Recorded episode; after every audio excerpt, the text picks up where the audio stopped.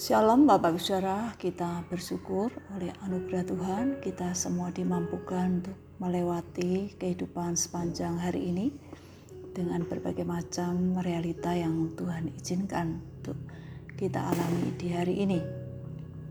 Kita bertemu kembali di renungan malam Kamis kedua April 2022. Mari kita tetap meluangkan waktu untuk memperhatikan relasi kita dengan Tuhan Sebelumnya kita berdoa mohon pertolongan Tuhan. Bapa yang di surga kami bersyukur untuk kasih setia Tuhan yang memampukan kami untuk menjalani kehidupan sepanjang hari ini. Kami bersyukur untuk segala sesuatu yang Tuhan izinkan untuk kami alami dan kerjakan di hari ini. Saat ini sebelum beristirahat kami akan membaca dan merenungkan sebagian dari firman-Mu. Mari Tuhan berbicara kepada kami dan mampukan kami untuk mengerti dengan benar apa yang Tuhan mau kami mengerti dan melakukannya sesuai dengan yang Tuhan mau lakukan dalam hidup kami. Dalam nama Tuhan Yesus kami berdoa. Amin.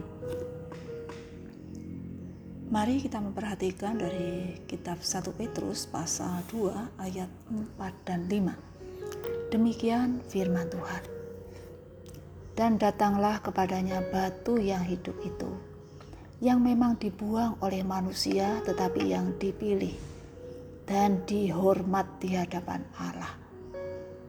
Dan biarlah kamu juga dipergunakan sebagai batu hidup untuk pembangunan suatu rumah rohani, bagi suatu imamat kudus untuk mempersembahkan persembahan rohani yang karena Yesus Kristus berkenan kepada Allah.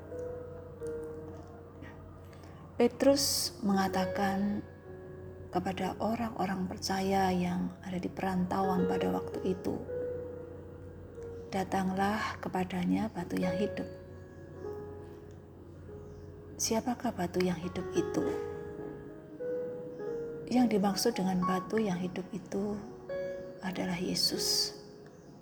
Dialah sumber kehidupan, dialah sumber kekuatan, dialah sang juru selamat. Kita memahami bahwa setiap bangunan ada fondasi supaya kuat. Tidak roboh oleh karena badai atau banjir atau apa pun. Kita perlu memperhatikan bahwa fondasi dalam kehidupan kita dengan salah satunya dengan cara datang kepada Tuhan. Karena kita memerlukan Tuhan.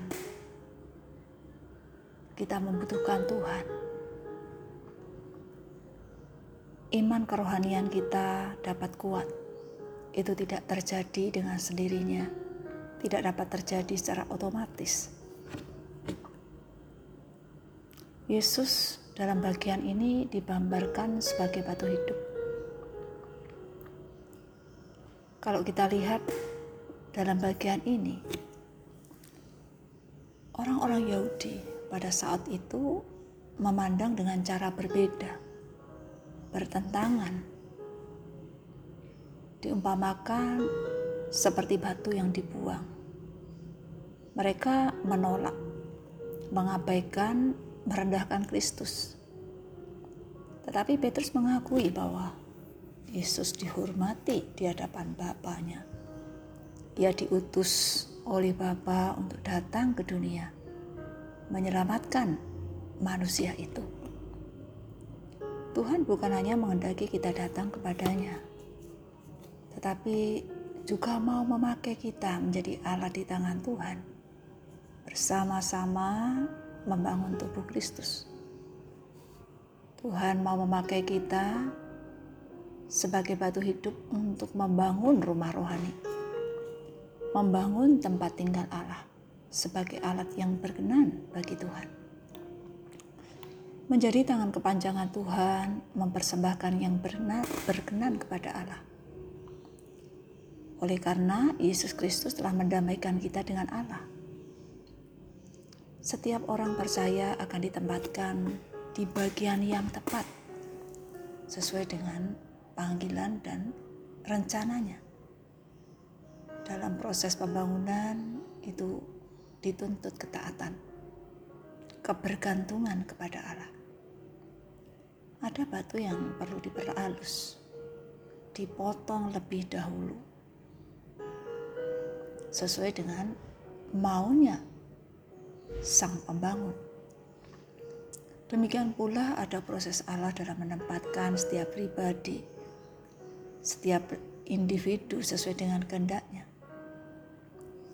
Ada kalanya melalui kesulitan atau tantangan, penderitaan, bahkan hal-hal yang sulit kita pahami. Namun akhirnya kita akan memahami bahkan akan berakhir dengan kemuliaan dan sukacita.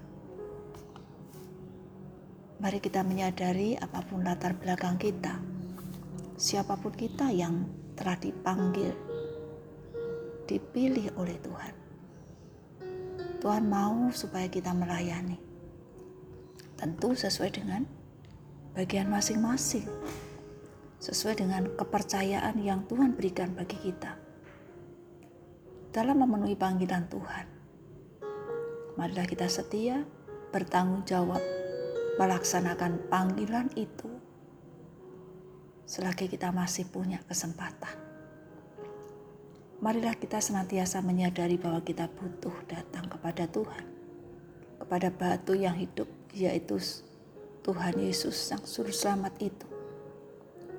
Mari kita dengan sukacita mau dipakai menjadi batu hidup, menjadi alat kepanjangan Tuhan, kepanjangan tangan Tuhan. Untuk mewujudkan rencananya. Dan biarlah makin banyak orang yang mengenal dan percaya kepadanya. Tuhan menolong kita.